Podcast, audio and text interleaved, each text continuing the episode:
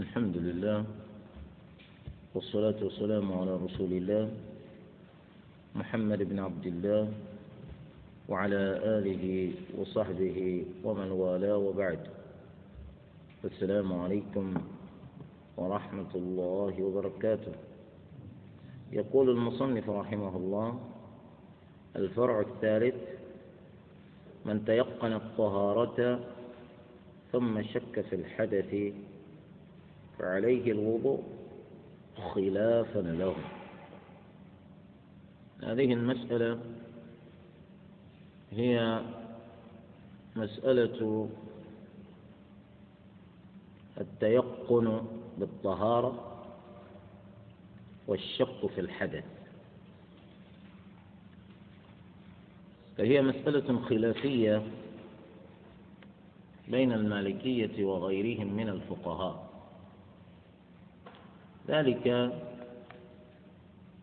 أن القاعدة الفقهية قد تقررت بأن اليقين لا يزول بالشك.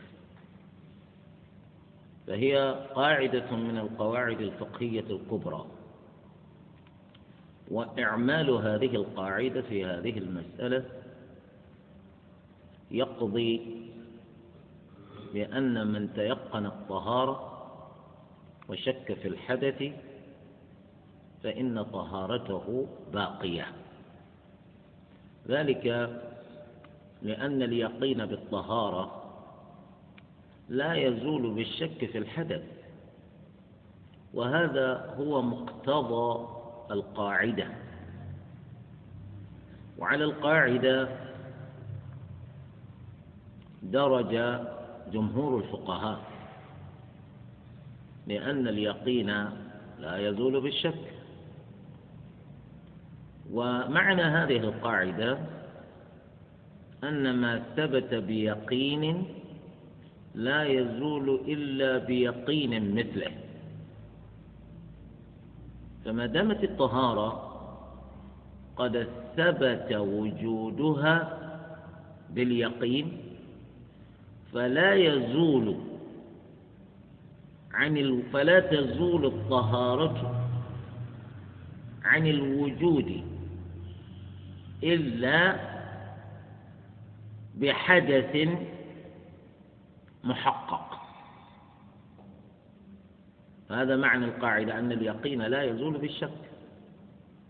والمالكية على علم تام بهذه القاعدة إلا أنهم لم يعملوها في هذه المسألة بالذات. ذلك لأنهم يقولون استصحاب الطهارة السابقة اعتراه أن الصلاة التي يقصد بها الطهارة لا يتم القيام بها إلا بيقين. وهذه الصلاة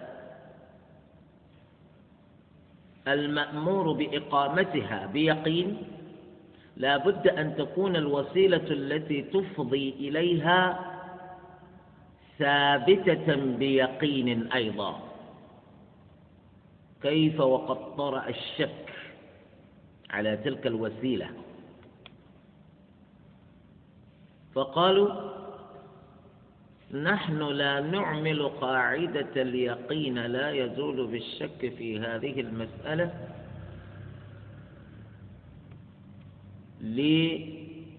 لوجود قاعدة أخرى اعترضت سبيلها وما هي تلك القاعدة؟ القاعدة هذه أشار إليها الإمام القرافي في كتابه الفروق وهي قاعدة الشك في الشرط كالشك في المشروط. الشك في الشرط كالشك في المشروط. المعلوم أن الطهارة شرط لصحة الصلاة وقد طرأ الشك على هذا الشرط. فالشك الذي طرأ على هذا الشك يجعله غير قابل للإعمال لأن الشك فيه كالشك في المشروط الذي هو الصلاة هنا. الشك في الشرط كالشك في المشروط. هذا هو السبب الذي من أجله يقول المالكية من تيقن الطهارة ثم شك في الحدث فعليه الوضوء. وقد علم من هذا التعبير أن الذي ثبت وجوده باليقين من بين الطهارة والحدث هو الطهارة. والذي طرأ فيما بعد هو الشك في الحدث. فالطهارة الثابتة باليقين من المفترض ألا تزول إلا بيقين مثله. لكنهم قالوا الشك في الشرط كالشك في المشروط. وعليه المالكية يأمرون بتجديد الوضوء يأمرون من تيقن الطهارة وشك في الحدث بتجديد وضوئه بتجديد وضوئه. وجمهور الفقهاء يقولون لا يجدد وضوءه. لماذا؟ لأن اليقين لا يزول بالشك. والمختار عندنا هو ما ذهب إليه جمهور الفقهاء إعمالا لقاعدة اليقين لا يزول بالشك. ثم قالوا مسألة أخرى عكسية. وهي إن تيقن الإنسان الحدث وشك في الطهارة. تيقن بأن الريح خرج منه. وشك في بقاء وضوئه. هل توضأ بعد خروج الريح منه أم لم يتوضأ؟ بين أنه على يقين من خروج الحدث منه. وإنما شك في حدوث طهارة بعد خروج الريح. يقولون هنا عليه الوضوء عليه الوضوء لأن الحدث ثبت باليقين والطهارة مشكوك فيها والمقرر أن اليقين لا يزول بالشك. فأعملوا القاعدة هنا وأهملوها في البداية. أما جمهور الفقهاء فإنهم لم يحيدوا. أعملوا القاعدة في المسألتين معا. من تيقن الطهارة وشك في الحدث فإن طهارته باقية. ومن شك ومن تيقن الحدث وشك في الطهارة فإن وضوءه غير باقي غير باق فإنه يتوضأ لأن ما ثبت باليقين لا يزول إلا بيقين مثله هذا هو. وعليه قد تجد مثل هذه المسألة في كثير من كتب المالكية ولم يختلفوا في هذا فإنهم جميعا يقولون من تيقن الطهارة وشك في الحدث فإنه عليه الوضوء. إعمالا للقاعدة الفرعية الشك في الشرط كالشك في المشروط. وقد قلنا الأصح أن من تيقن الطهارة وشك في الحدث فإن طهارته باقية.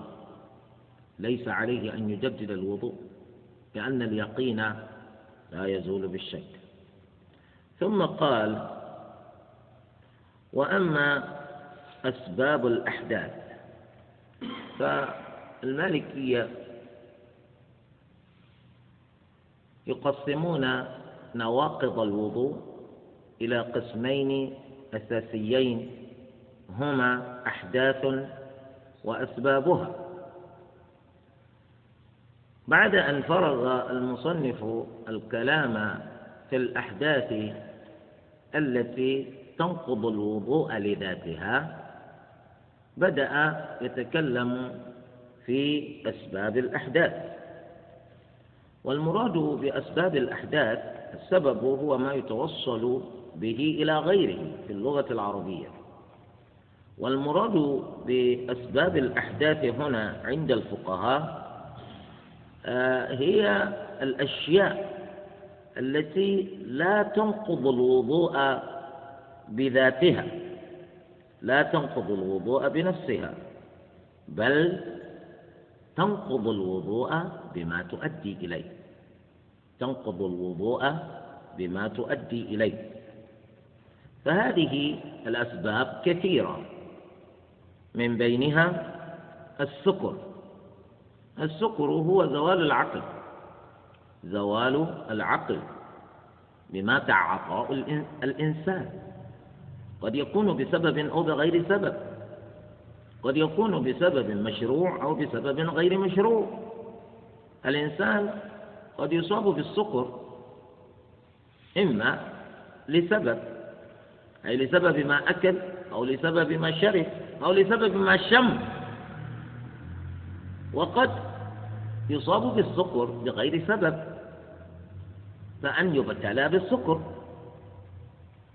والذي أصيب بسكر بسبب قد يكون ذلك السبب مشروعا. كمن شرب الماء النقي إلا أنه سكر. كذلك الذي أكل طعاما عاديا. وخرج سكران. ليس أنه شبع جراء ذلك الأكل إلى أقصى الحد. وقد يكون السكر بسبب محرم كالذي يشم المخدرات أو يتعاطاها أو الذي يشرب خمرا وهلم جر كذلك الجنون. الجنون هو الإغلاق زوال العقل. كذلك الإغماء. الإغماء وهو فقدان الإحساس. فقدان الإحساس زوال العقل جراء فقدان الإحساس الذي هو قريب من الموت. كذلك إذا نظرنا إلى هذه الأمور الممثلة بها وهي السكر والجنون والإغماء نجدها جميعا يربطها رابط واحد ألا وهو زوال العقل. فزوال العقل سبب من أسباب نقض الوضوء لأن الإنسان إنما خطب وكلف خطب بالتكليف لعقله فمن زال عنه العقل فإنه يرفع عنه القلم. كما جاء في الحديث أن النبي صلى الله عليه وسلم يقول رفع القلم عن ثلاث وذكر منهم المجنون حتى يفيق المجنون حتى يفيق. فمن أصيب بسكر أو جنون أو إغماء كل واحد من هؤلاء به زوال العقل. فزوال العقل سبب من أسباب نقض الوضوء. وهناك سبب آخر كذلك الذي هو يتمشى مع هذا الذي ذكر وسيذكره المؤلف. يقول السكر والجنون والإغماء هذه الأسباب تنقض الوضوء بإجماع. لا خلاف بين الفقهاء أن الوضوء ينقضه كل من السكر والجنون والإغماء. والدليل على ذلك آه، يقول سواء كانت قليلة أو كثيرة. والدليل على ذلك الحديث رفع القلم عن ثلاث. وذكر النبي صلى الله عليه وسلم منهم المجنون حتى يفيق. منهم المجنون حتى يفيق. والذي بالمجنون وكان سببا في رفع القلم عنه موجود في السكران وفي المغمى عليه ألا وهو زوال العقل. هذا هو. كذلك ومنها النوم. النوم أيضا يفضي إلى زوال العقل. النوم يفضي إلى زوال العقل. لأن الإنسان الذي اعتراه النوم يفقد بعض الإحساس فإنه قد لا يدري ماذا يتفوه به. وماذا يصاب به وهو في حال نومه. فلأجل هذا نعلم أن النوم هذا أيضا سبب من أسباب نقض الوضوء. والدليل على ذلك ما جاء في حديث صفوان بن عسال رضي الله عنه أن النبي صلى الله عليه وآله وسلم كان يأمرنا إذا كنا صفرا أن نمسح على خفافنا ثلاثة أيام بلياليهن وألا ننزعها من غائط أو بول أو نوم ولكن من الجنابة. ولكن من الجنابة. فذكر النبي صلى الله عليه وآله وسلم النوم مع الغائط والبول. فعلم من ذلك أن النوم ينقض الوضوء كما ينقضه كل من الغائط والبول. وهذا بدلالة الاقتران. وهذا بدلالة الاقتران. أي قورن النوم بالغائط وبالبول. فيقال القول في نقض الوضوء بالنوم كالقول بنقضه بكل من الغائط والبول. وطبعا معظم الفقهاء من حيث الجملة يرون أن النوم ينقض الوضوء وإن كان لكل واحد منهم تفصيل قد يخالف ما عند غيره من تفاصيل. إلا أنهم من حيث الجملة متفقون على أن النوم ينقض الوضوء. وشذ في ذلك بعض الفقهاء الذين يرون أن النوم لا ينقض الوضوء مطلقا. وهذا القول لا شك يجانبه الصواب. بعيد عن الصواب لماذا؟ لأن النبي صلى الله عليه وآله وسلم قد ثبت عنه في الحديث أنه يقول العينان وكاء السهي فمن نام فليتوضأ فمن نام فليتوضأ و آه، و و و و ويفهم من هذا ما جاء في الحديث الآخر أن العينان إذا نامتا أطلق الوكاء أطلق الوكاء أي الحبل الذي يربط مكان خروج الريح في جسد الإنسان هو العينان.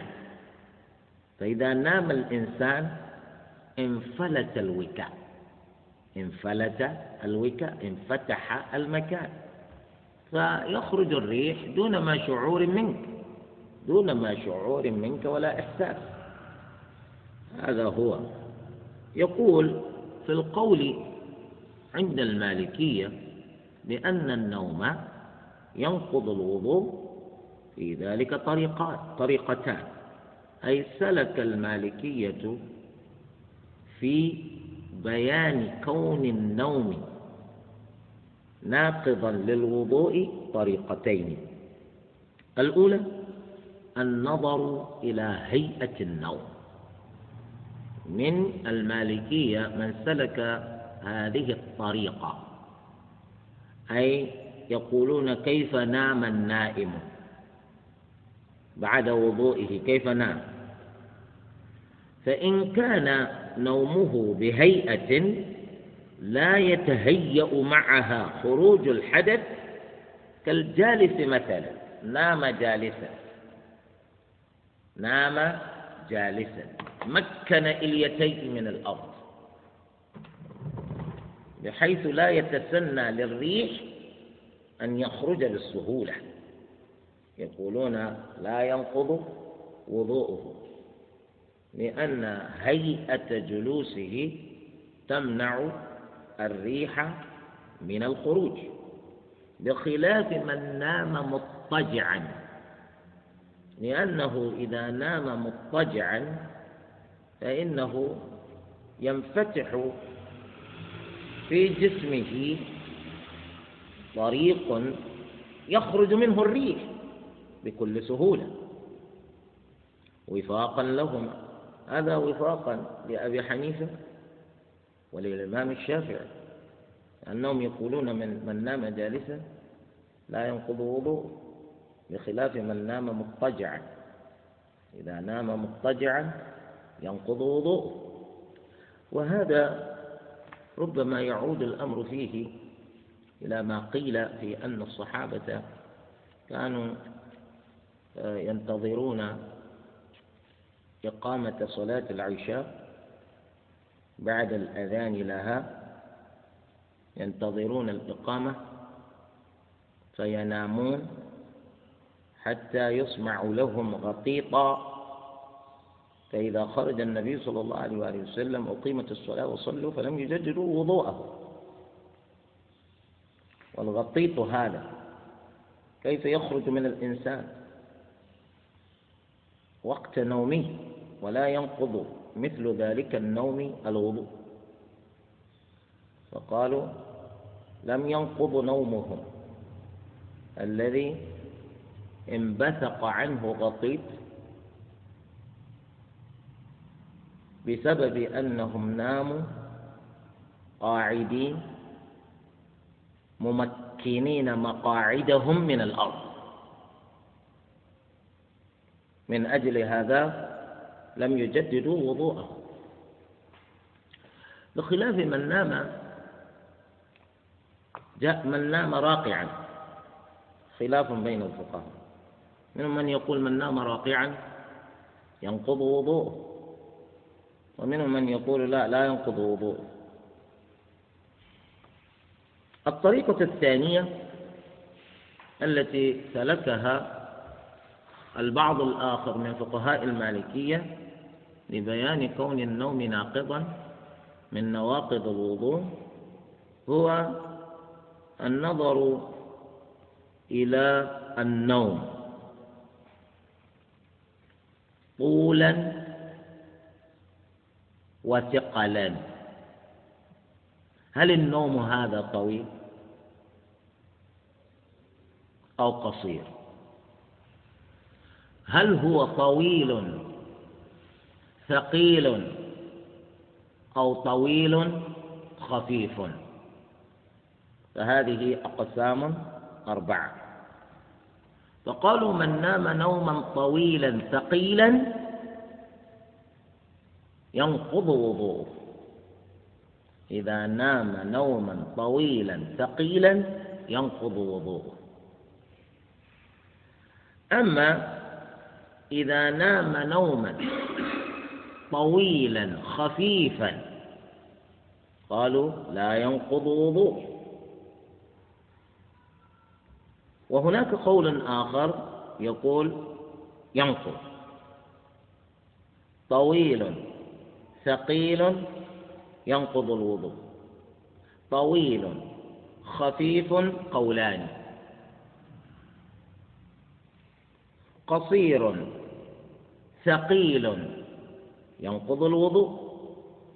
قصير خفيف لا ينقض الوضوء. هذه هي الأقسام الأربعة عند المالكية.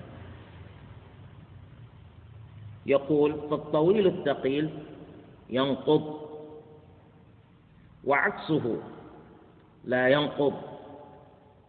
وما هو عكسه؟ وهو القصير الخفيف. فهمتم؟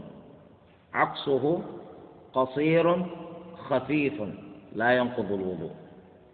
وفي الطويل الخفيف طويل خفيف قولان. طويل خفيف قولان. وما عكسه؟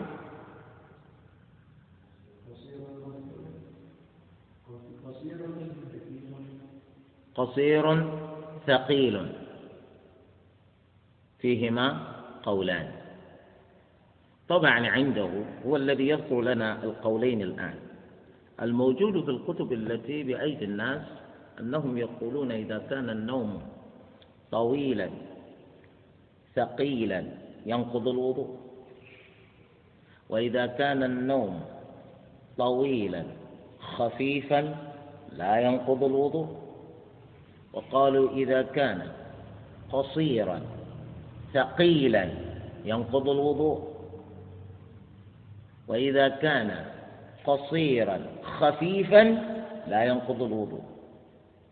هؤلاء المتأخرون هم بنوا أقوالهم على الأقوال المشهورة التي عليها الفتوى. والمصنف هنا يشير بكل أمانة إلى الأقوال الموجودة في المذهب. ثم بعد ذلك يأتي من يأتي بعده ليشهر قولا على قول. فشهروا ما قلناه لكن عند هؤلاء الذين تقدموهم إنهم يذكرون القولين الموجودين في المذهب. هذا هو. فلا شك أن النوم ناقض من نواقض الوضوء. والمعلوم أن الإنسان إذا غلبه النوم لا يستطيع أن يشعر أو يحس بما يجري حوله وقد لا يدري ماذا يخرج منه وهذا هو الغالب. ولذلك جاء في صحيح البخاري أن النبي صلى الله عليه وآله وسلم ذكر أن الإنسان إذا أخذ يصلي وبدأ النعاس يتطرق إلى عينيه فإن عليه أن يفارق تلك الصلاة ويذهب لينام ثم يعود إلى الصلاة بعد نومه. فإنه لا يدري لعله يذهب يدعو يريد أن يدعو لنفسه فيدعو على نفسه. فالنوم لا شك ينقض الوضوء. فكما جاء في الحديث الذي قد سبقت الإشارة إليه العينان وكاء السهي فمن نام فليتوضأ. ولعموم ما جاء في حديث صفوان ابن عسال أن النبي صلى الله عليه وآله وسلم قارن فيه بين الغائط والبول والنوم. ويقول الإمام عبد الوهاب القاضي عبد الوهاب البغدادي رحمة الله عليه يقول كيف لا ينقض النوم الوضوء؟ وقد قال الله تعالى يا أيها الذين آمنوا إذا قمتم إلى الصلاة. قمتم من ماذا؟ يقول الإمام قمتم من النوم. إذا يكون النوم سبب هذه الآية. يقول جاء في النوم. فكيف لا يكون ذلك السبب ناقضا من نواقض الوضوء؟ على الأقل نقول سبب من أسباب نقض الوضوء. هذا هو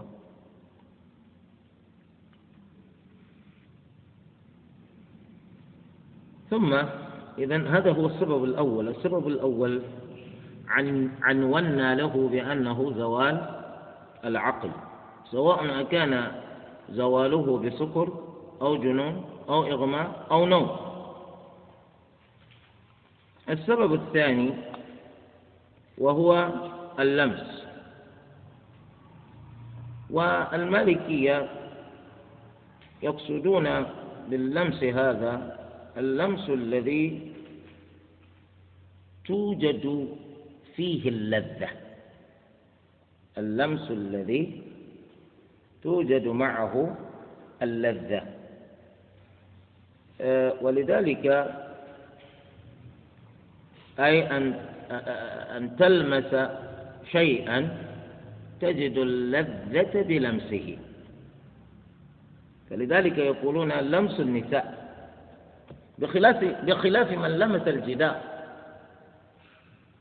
ومن لمس الكرة أو لمس المروحة أو لمس المكتب أو لمس وجه نفسه. هم لا يشيرون إلى هذا. إنما يقصدون باللمس لمس ما توجد بلمسه اللذة غالبا. هذا الذي يقصدون بقول بقولهم اللمس. فالمالكية أيضا هنا لهم تقسيمات. طبعا الفقهاء في هذا نظروا إلى أن الإنسان إذا توضأ وهو يتهيأ به إلى الصلاة وإذا جاء بعد وضوئه ولمس امرأة ولمس امرأة. يقولون الغالب أن الإنسان إذا لمس زوجته أو لمس امرأة أجنبية فإنه يقصد من وراء هذا اللمس الإحساس باللذة. فاللذة هذه مع الوضوء الذي تهيأت به للصلاة. أليس متناقضين. أنت تريد أن تصلي وأنت يعني تسلك سبيل من يريد اللذة. ثم نظروا إلى قول الله عز وجل أو لامستم النساء. أو لامستم النساء. وفي قراءة أو لمستم النساء.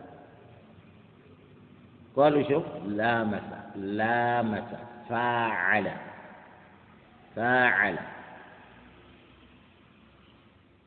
قالوا لمس المرأة ناقض للوضوء.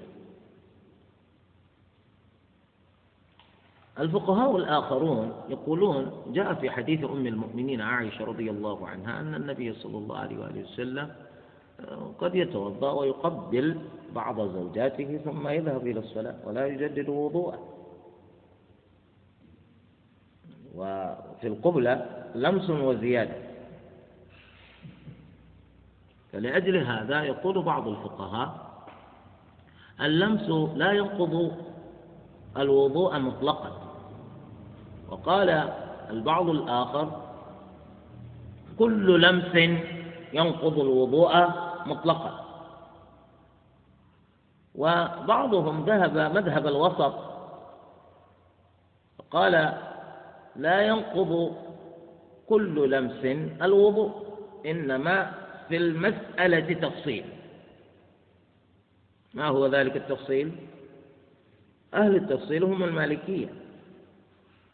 قالوا فإن كان بلذة نقض يعني الإنسان لمس بقصد أن يجد اللذة لمس بعد وضوئه امرأة. بقصد اللذة. وجدها أم لم يجدها ينقض وضوءه. لما تقرر أن الأمور بالمقاصد. الأمور بالمقاصد. ثانيا هذه صورتان هاتان صورتان قالوا إن قصد اللذة. ينقض وضوءه. وجدها أو لم أم لم يجدها. الحالة الثانية ألا يقصد اللذة ولكنه لمس وبعد لمسه للمرأة وجد اللذة. أو لم يقصد اللذة ولمس ولم يجد اللذة. يقولون إن لمس بغير قصد اللذة ولكنه وجده نقض وضوءه. لمس بغير قصد اللذة ولم يجدها. لم ينقض وضوء هذه هي الحالات الأربعة عند المالكية وهذا اللمس لا فرق فيه بين أن يكون لمسا مباشرا للبشرة أو من وراء حائل إما أن يلمس جلدها مباشرة أو من وراء حائل من وراء ثوب. المهم لمس هذه الأقوال تنطبق على تلك الحالة على الحالتين. سواء كان اللمس لزوجته أو أجنبية. أي الإنسان الذي لمس المرأة بعد الوضوء قد تكون المرأة الملموسة زوجته. مع ذلك تنطبق تلك الحالات عليه. لمسه بقصد اللذة ينتقض وضوءه. لمسه آه سواء وجد اللذة أم لم يجد اللذة. لمسه بغير قصد اللذة إلا أنه وجد اللذة ينتقض وضوءه. لم يجد اللذة لا ينتقض وضوءه. كذلك إن كان إن كانت الملموسة أجنبية. وما الذي يؤدي بك إلى أن تلمس امرأة أجنبية؟ اللهم إلا إذا كان الإنسان فاجرا من الفجار أو يعيش في مجتمع منفلت لا يعملون فيه الأحكام الشرعية والناس فيه لا يحظون بقدر كاف من الحياة كما هو مشاهد في كثير من المجتمعات هذه. أن الناس منحلون. منحلون عن رفقة الدين. يفعل كل إنسان ما يروق له. فإذا كان فإذا كانت المرأة التي لمستها أجنبية هذه الأحكام أيضا تنطبق عليك علاوة على أنك يقال إنك مجرم. من تعمد لمس امرأة أجنبية فإنه مجرم يأثم. عليه أن يتوب إلى الله عز وجل. وقد تلمس امرأة أجنبيا لغير قصد. كأن تكون في مكان الازدحام فيه شديد. كما هو الحال في الناس الذين يطوفون حول الكعبة. خاصة في أيام الذروة في المواسم الحج كذلك في العشر الأواخر من رمضان حين يجد الناس من كل حدب وصوب للعمرة. قد يحدث مثل هذا. أنك تجدك قد لمست بجسمك امرأة. من غير قصد من غير قصد فإذا حصل لك مثل هذا. وقد توضعت وعلى على علم بأنه لا يمكنك أن تطوف بالبيت إلا بطهارة. وقد توضأت للطواف. ثم أتيت إلى المطاف. وبينما أنت تطوف إذا بك تجدك تلمس امرأة.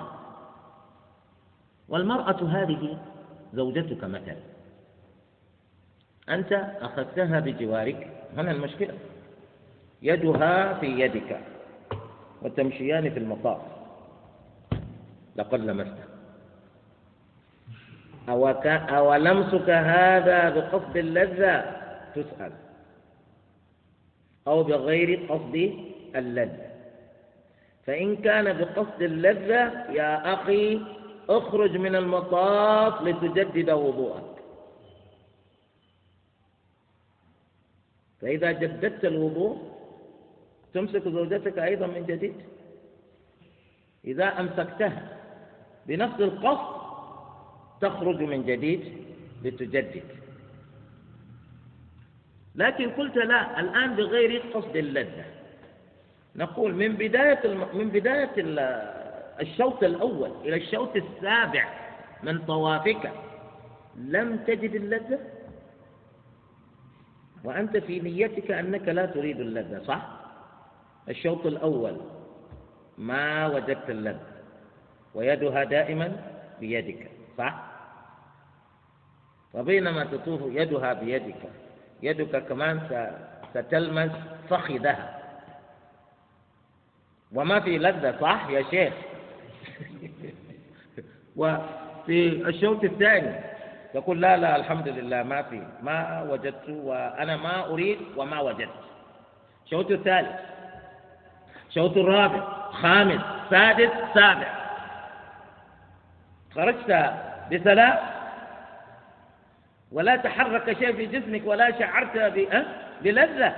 نقول خلاص على قول المالكية طبعا. نقول طوافك إذن صحيح. ليست زوجتك يا رجل. أنت اضطررت أن تلمس بيدك امرأة أجنبية في المطاف.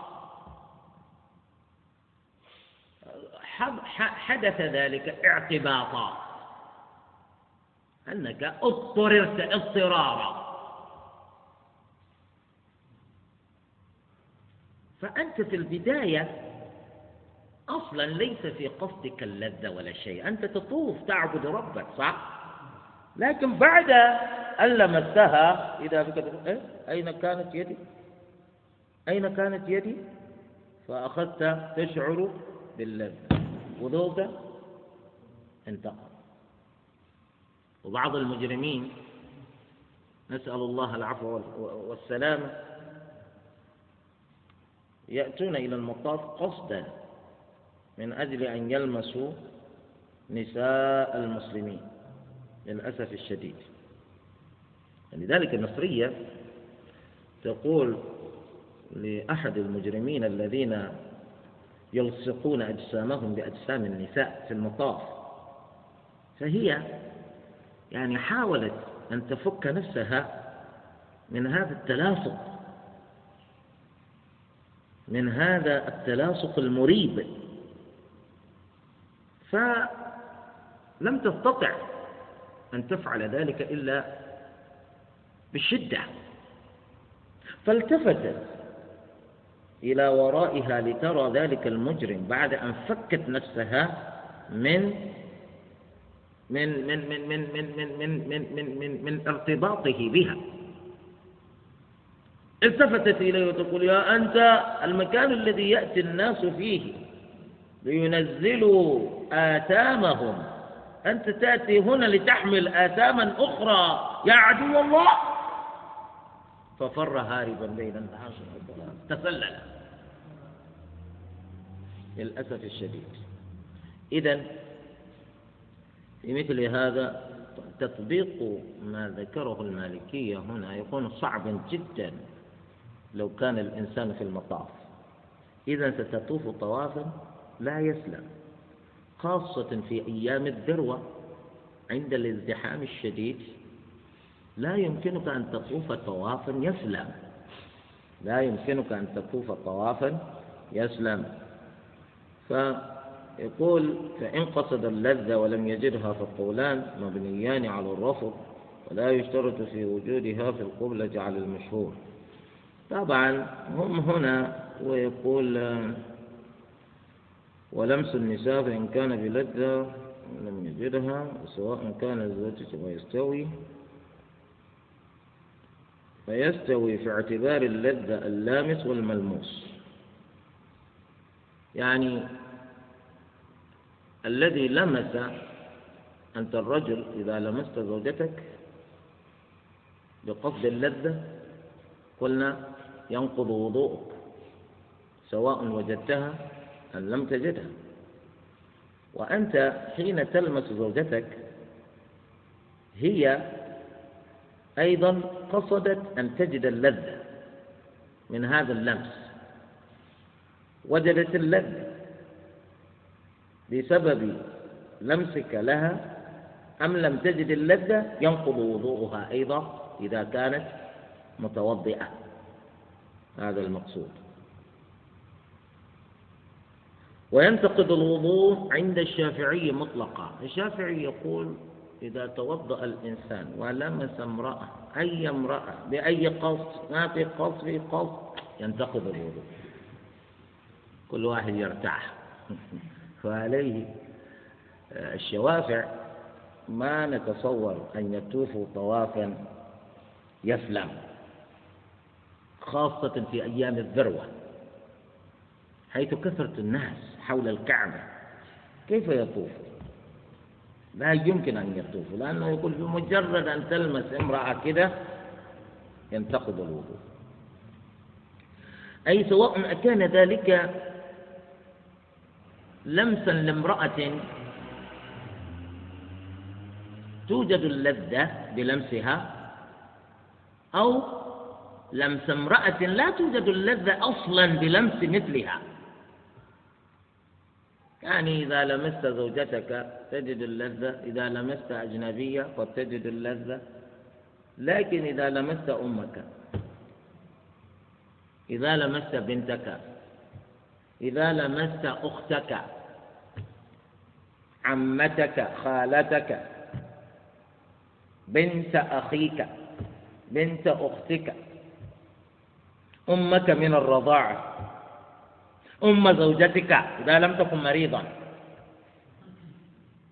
يعني أنت لا تجد اللذة في كل هذه الأشياء.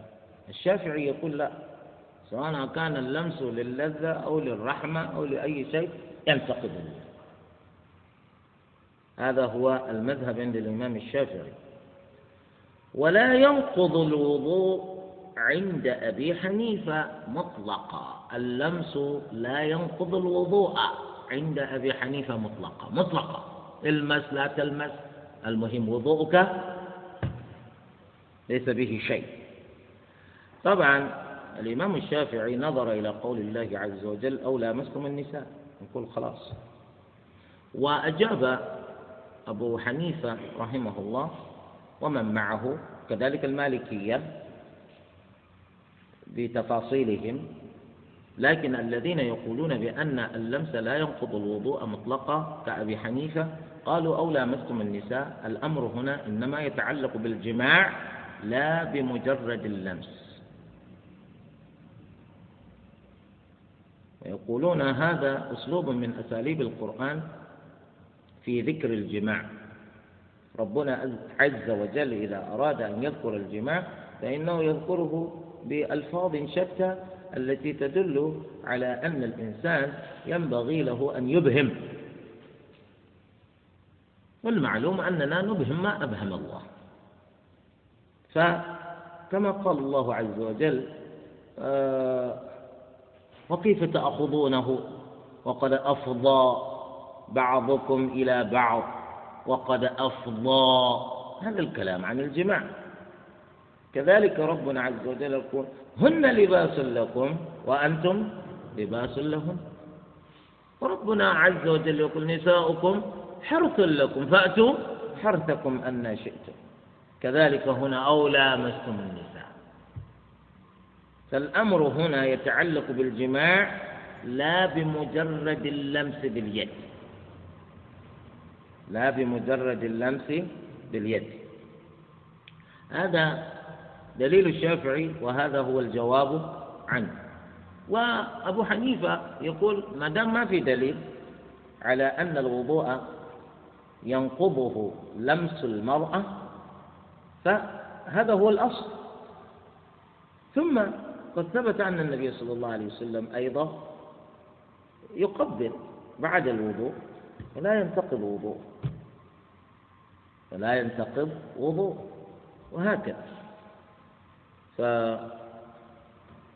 فكذلك ذهب أحمد بن حنبل إلى أن إلى أن لمس المرأة لا ينقض الوضوء مطلقا كما ذهب إليه أبو حنيفة. اللهم إلا إذا خرج شيء. إذا خرج منك مدي فهنا نقول انتقض وضوءك بسبب ما خرج منك من مدي. وهذا هو الأصح وهو المختار. وهو المختار. ها وليس معنى ذلك أنك يعني تتلاعب في هذا الباب. فتقول ما داموا قد قالوا ثم تأتي تتوضأ تأتي دائما إلى زوجتك. تأتي دائما إلى زوجتك. فإن المدي قد لا يخرج بعد ذلك مباشرة. ولكنه يأتي ينزل منك وأنت تصلي. وتكون صلاتك باطلة ووضوءك قبل ذلك باطل. فانتبه. فأيكم أملك لإربه من رسول الله صلى الله عليه وسلم كما قالت عائشة. يعني أي أن النبي صلى الله عليه وسلم كان يقبل بعض زوجاته في رمضان. فهل هذا يفتح الباب لكل واحد منا أن يفعل مثل ذلك؟ إذا كنت تملك إربك ولكن النبي صلى الله عليه وسلم هو أكثرنا ملكا لإربه صلى الله عليه وآله وسلم. واللمس هذا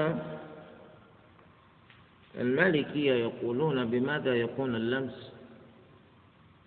يقولون يكون اللمس بباطن الكف أو بباطن الأصابع.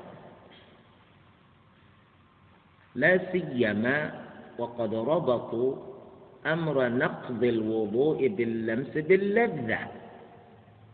واللذة لا تتأتع إلا إذا وقع بالكف أو بباطن الأصابع. لأن الإنسان الذي يلمس المرأة بقصد أن يتلذذ بذلك اللمس إنما يفعل ذلك بكفه. الإحساس يتم من خلال الكف. كذلك بباطن الأصابع. أما إذا فعل ذلك بظهر كفه أو بظهر أصابع يده يعني وربما يشعر بأنه إنما لمس حجرا هكذا يرى المالكي. والأمر ليس كذلك. الأمر ليس كذلك. يعني كل ذلك ما دام الإنسان ليس فاقدا للإحساس لما يمت بعد وليس مغمى عليه. فإنه يحس سواء كان بباطن الكف أو بظهرها.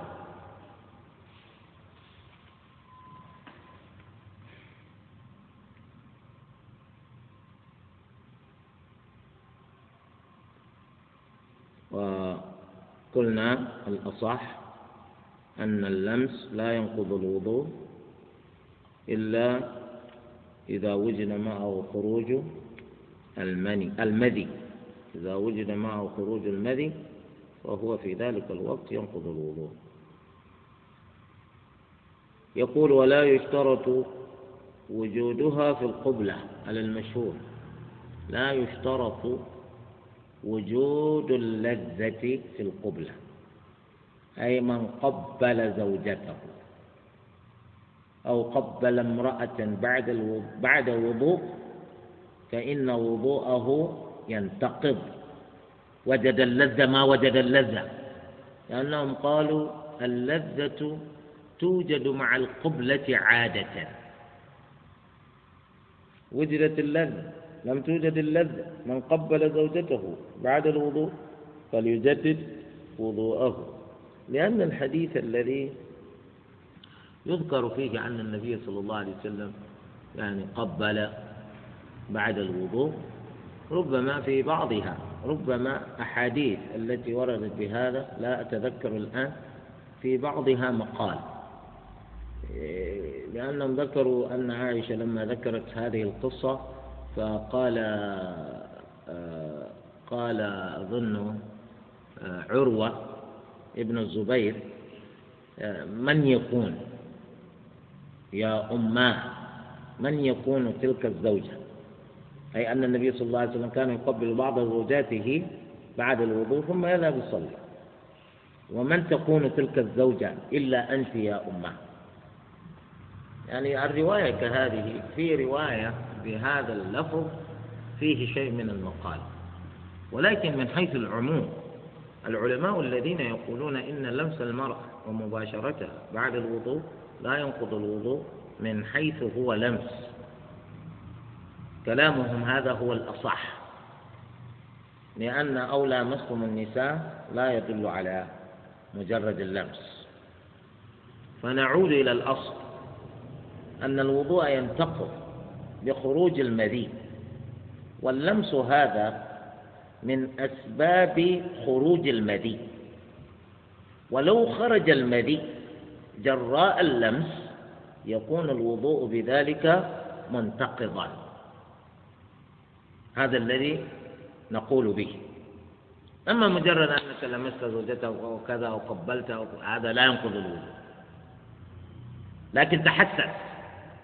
أخرج منك شيء أو, أو لم يخرج منك شيء.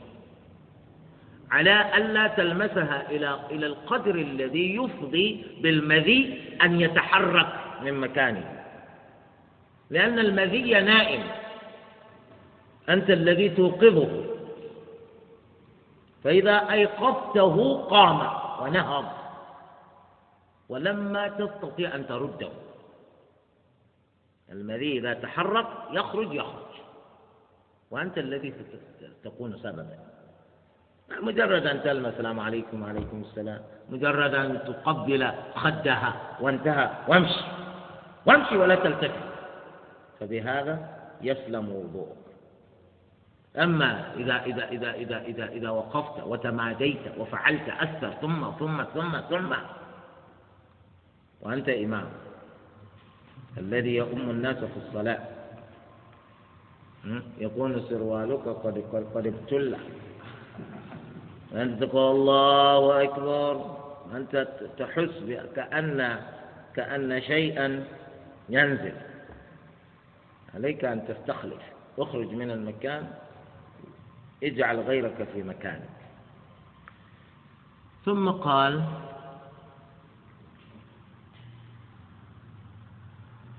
ومنها مس الذكر العضو الذي للذكور من بني آدم من مس ذكره ينتقض وضوءه. والمراعى فيه المراعى في لمس الذكر قالوا باطن الكف لأنهم يقصدون بذلك أيضا وقوع اللذة أو باطن الأصابع. فقالوا باطن الكف وباطن الأصابع. وقيل المقصود اللذة. إذا وجد اللذة كيفما أتت فإن الوضوء ينتقض. الإمام الشافعي يقول مس الذكر ينقض الوضوء مطلقا سواء كان بباطن الكف أو بغير باطن الكف بباطن الأصابع أو بغير باطن الأصابع وجد اللذة أو لم توجد اللذة. وذلك لحديث بسرى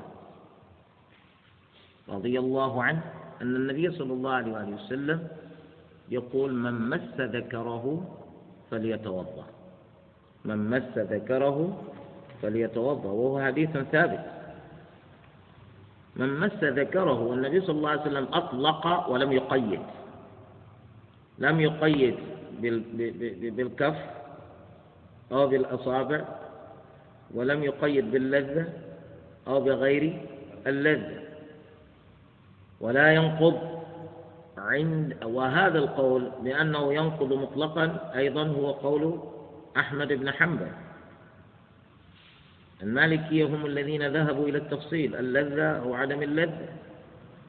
وأبو حنيفة يقول لا ينقض مطلقا. من مس ذكره فليصلي. لا أصاب وضوءه شيء.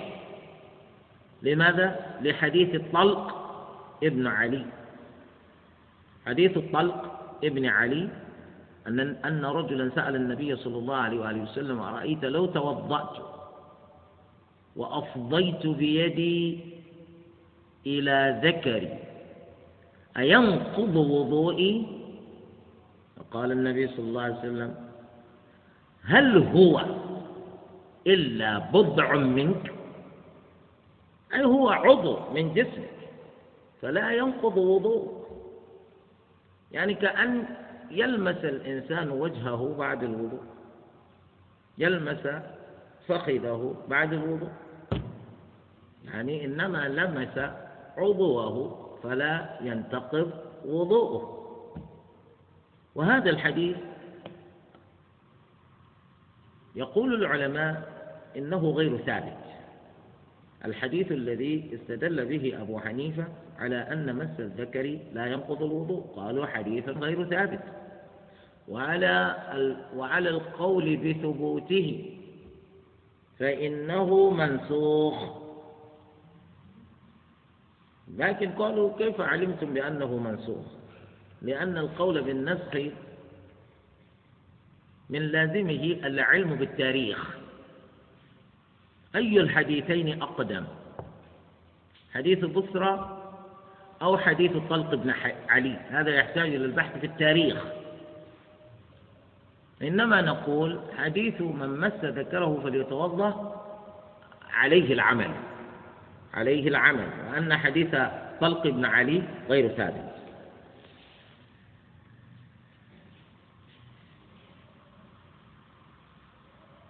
وفي مسه من وراء حائل خلاف. أي الكلام هنا يتعلق بمن مس ذكره مباشرة. من غير حائل من غير حاجز من غير ثوب. كيف إذا مس ذكره من خلال ثوبه؟ مس ذكره وبينه وبين ذكره حاجز وهذا الحاجز ثوبه. خلاف. قول بأنه ينقض وضوءه. والقول الآخر أنه لا ينقض وضوءه والصواب أنه لا ينقض. الصواب أنه لا ينقض لأن من مس ذكره من وراء حاجز لا يقال مس ذكره. إنما يقال مس ذكره من من وراء حاجز. والحديث يقول من مس ذكره الذي يفهم منه أنه مسه مسا مباشرا. هذا هو. ولا ينقض مس ذكر صبي خلافا للشافعي لو مس الإنسان ذكر صبي فإنه لا ينقض وضوءه عند المالكية لماذا؟ لأنه لا توجد لذة بمس ذكر مثله لأن الأمر عندهم مربوط باللذة أو عدم اللذة. والشافعي يقول لا من مس ذكره فليتوضأ فمن مس ذكر غيره يتوضأ من باب أولى. لكن هل يقال لذكر الصبي ذكر؟ يعني يقال له ذكر في اللغة العربية. فالشافعي نظر إلى أن هذا من باب أولى. إذا كان الوضوء ينتقض بمس ذكرك فلا أن ينقض من مس ذكرك من من مسك لذكر غيرك من باب أولى. ولا بهيمة ولا ينتقض بمس ذكر بهيمة. كيف يعني هذا؟ الوضوء لا ينتقض بمثل هذا. لكن مثلا إذا كان الإنسان توجد بيده إصبع زائدة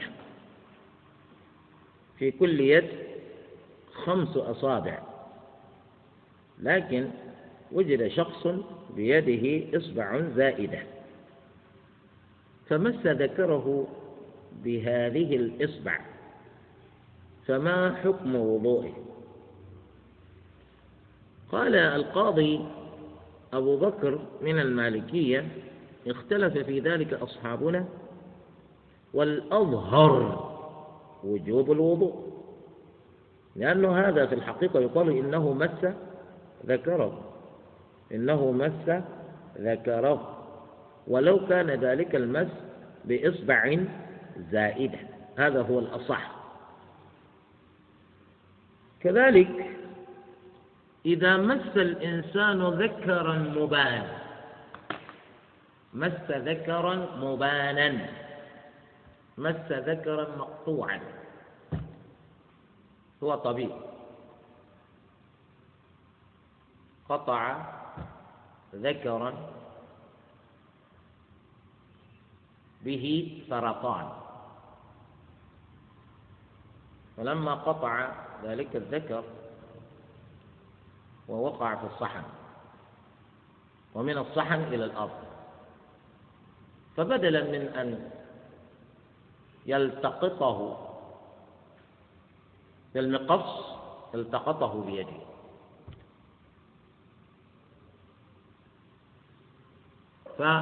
فهذا الإنسان قد لمس ذكرا مقطوعا.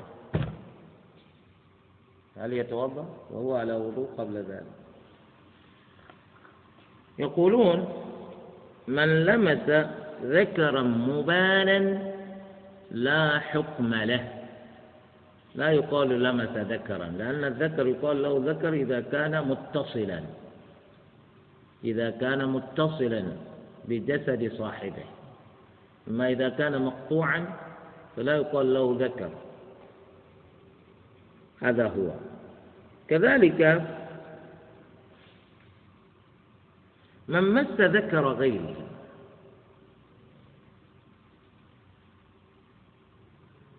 وقد ذكر من مس ذكر الصبي. كيف إذا يقول المالكية من مس ذكر الصبي؟ لا حكم له أيضا. لا حكم له أيضا. وهذا هو المختار خلافا لما ذهب إليه الشافعي.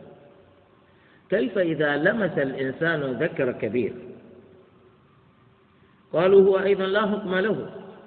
لأن النبي صلى الله عليه وآله وسلم يقول من مس ذكره من مس ذكره. الضمير هنا يعود إلى ذكر اللامس لا إلى ذكر غيره. من مس ذكره. لكن كيف نتركه وقد لمس ذكر غيره؟ وغيره هذا كيف ترك له المجال أن يلمس ذكره؟ مجنون هو؟ لا يقولون ليس مجنونا بل هو مريض. وهذا طبيب بل هو مصاب. وهذا يعالجه في ذلك الموضع. وقد لمس الإنسان ذكر غيره. كمن أصيب بمرض في مسالك البول البول لا يخرج منه. مثل الذي عنده بروستوت فهذا يضطر الطبيب إلى أن يلمس ذكره ينظر ماذا يحدث أه؟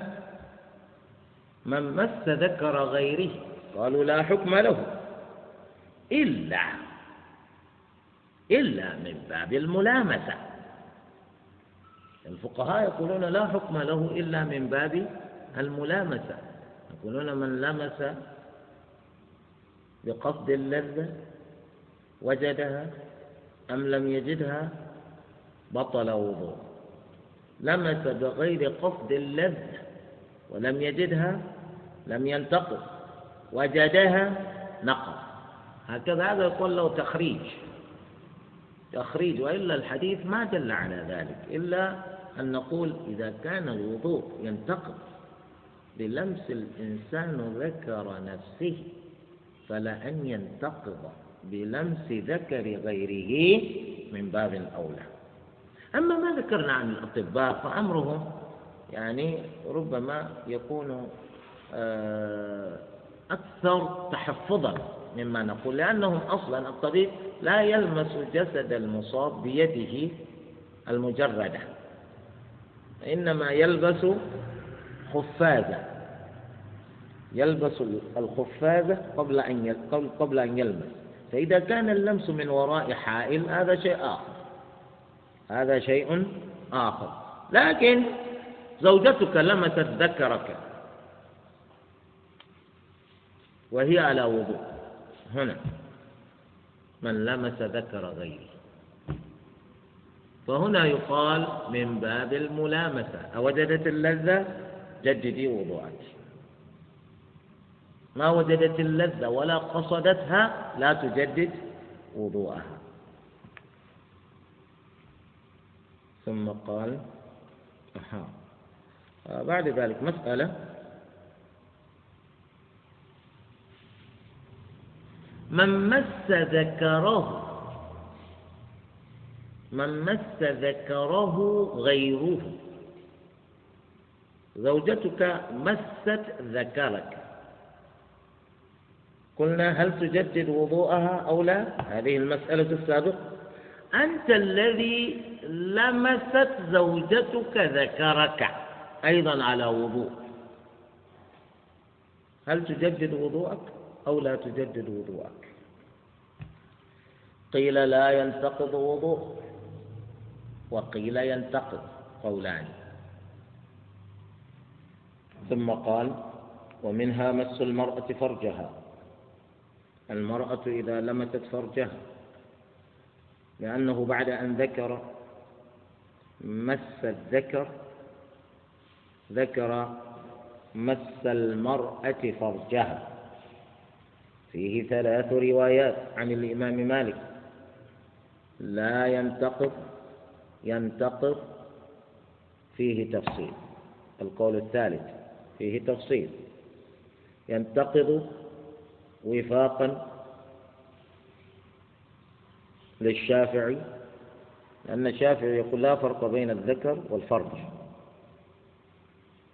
وقد جاء في رواية في حديث بصرة أن النبي صلى الله عليه وسلم يقول من مس فرجه فليتوضأ. وهذا في مسند الإمام أحمد. وهو ثابت. من مس فرجه فليتوضأ. إذا المرأة إذا مست فرجها تتوضأ. والمالكية ما أخذوا بهذا الحديث. لذلك وجدت روايات أخرى. اعتبارا لهذا الحديث قالوا ينقض وبالاعتبار الآخر قالوا لا لا ينقض لأن الحديث إنما ورد في الذكر. والفرج لا يقال له ذكر.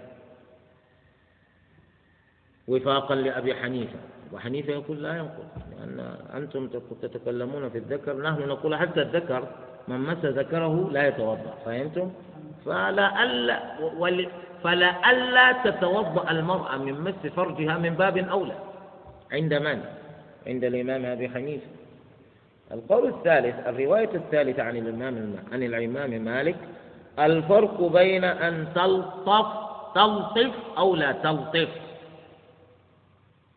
الإلطاف هو أن تدخل يدها بين شفرتي فرجها. إذا أدخلت يدها إلى داخل فرجها يقولون هذا الذي ينتقض والصواب أنه ينتقد مطلقا. لتلك الرواية من مس فرجه فليتوضأ. أما الدبر فلا ينتقد فلا ينتقد خلافا لحمديث أحد علماء المالكية. والشافعي. هؤلاء يقولون من مس دبره فليتوضأ. والمقصود بالدبر هنا ليس هو الإلية. المقصود الحفرة. الحفرة التي منها أكرمكم الله يخرج الغائط. من مس هذا هل يتوضأ أو لا يتوضأ؟ العلماء الذين قالوا بأنه يتوضأ الشافعي وأحمد وبعض المالكية يقولون هذه الحفرة أيضا فرج. هذه الحفرة أيضا فرج. والحديث ورد بأنه من مس فرجه فليتوضأ. ما في فرق إذا هذا هو. والصواب إن شاء الله أن من مس الحفرة التي يخرج منها الغائط ينتقض وضوءه. هذا الصواب. ينتقض وضوءه. لعموم ذلك الحديث من مس فرجه فليتوضأ. وأما الإنعاض أي قيام الذكر أن يقوم ذكر الإنسان إما بسبب اللمس أو بسبب النظر أو بسبب التفكير في المرأة إنعاض ذكره. هل هذا ينقض الوضوء؟ خاصة إنما هو مجرد الإنعاض دون خروج مذي. ما خرج مع الإنعاض مذي. ففيه قولان. قولان عند المالكية. أن الإنعاض ناقض من نواقض الوضوء. بمجرد الإنعاض تجدد الوضوء وهذا القول يجانبه الصواب. يعني الانعاض هذا حتى في الصلاة ممكن ينعاض ذكرك. ولكن هل خرج شيء أو ما خرج شيء؟ إذا لم يخرج شيء فلا شيء. والقول الآخر أنه إذا إذا خرج المذي مع الإنعاض فإنه ينقض الوضوء. نعم. نقول الذي نقض الوضوء وقتئذ هو المذي وليس الإنعاض فقط. وأما الارتداد أعاذنا الله وإياكم منه. الردة الذي نكب عن الإسلام ويقول إنه كفر. بعد الإيمان فإنه ينقض الوضوء على المشهور. القول المشهور أن من ارتد عن الإسلام بعد بعد وضوء فإن وضوءه ذلك ينتقض. لأن الردة محبط للعمل. وقال الشافعي لا. وهو قول آخر عند الإمام مالك أو عند المالكية أن الردة لا تبطل الوضوء. لماذا؟ قبل الموت. لو مات على الردة يبطل وضوءه أما ما مات ثم عاد إلى الإسلام نقول وضوءه صحيح هذا القول الآخر.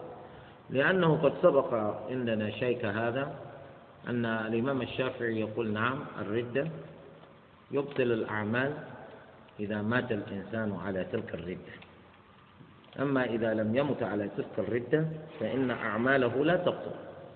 وقال جمهور العلماء لا بل الردة بمجرد وقوعها فإنها تبطل الأعمال. ولقد أوحي إليك وإلى الذين من قبلك لئن أشركت ليحبطن عملك. والآية الأخرى تشير إلى ويمت وهو كافر فأولئك حبطت أعماله فالشافعي أخذ بالآية الأخرى والجمهور أخذوا بالآية الأولى.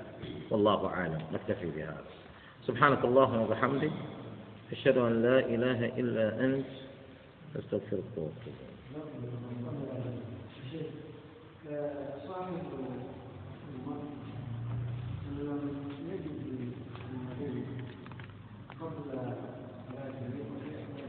صاحب ماذا؟ صاحب ماذا؟ ماذا مس؟ هذا يقول له لمس.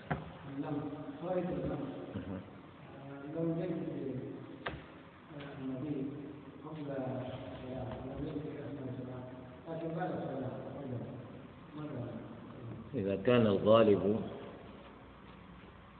على نفسه أن المذي هذا إنما خرج بعد السلام ما في إشكال؟ أما إذا كان الغالب على نفسه أنها أنه خرج وهو في الصلاة فإن صلاته تبطل حتى وإن خرج المذي قبل سلامه بثانية فإن صلاته تبطل لذلك الإنسان يتجنب ذلك إذا كان وقت الصلاة قد اقترب. إذا كان وقت الصلاة قد اقترب. لأنه ربما يذهب ليستنجي ليبول ويستنجي ولا يرى مذيا. ثم يأتي المذي وهو في الصلاة. يعني هذا كله معلوم. نعم.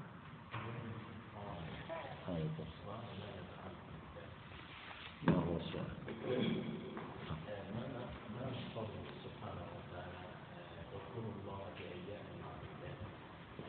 ماذا في يوم آخر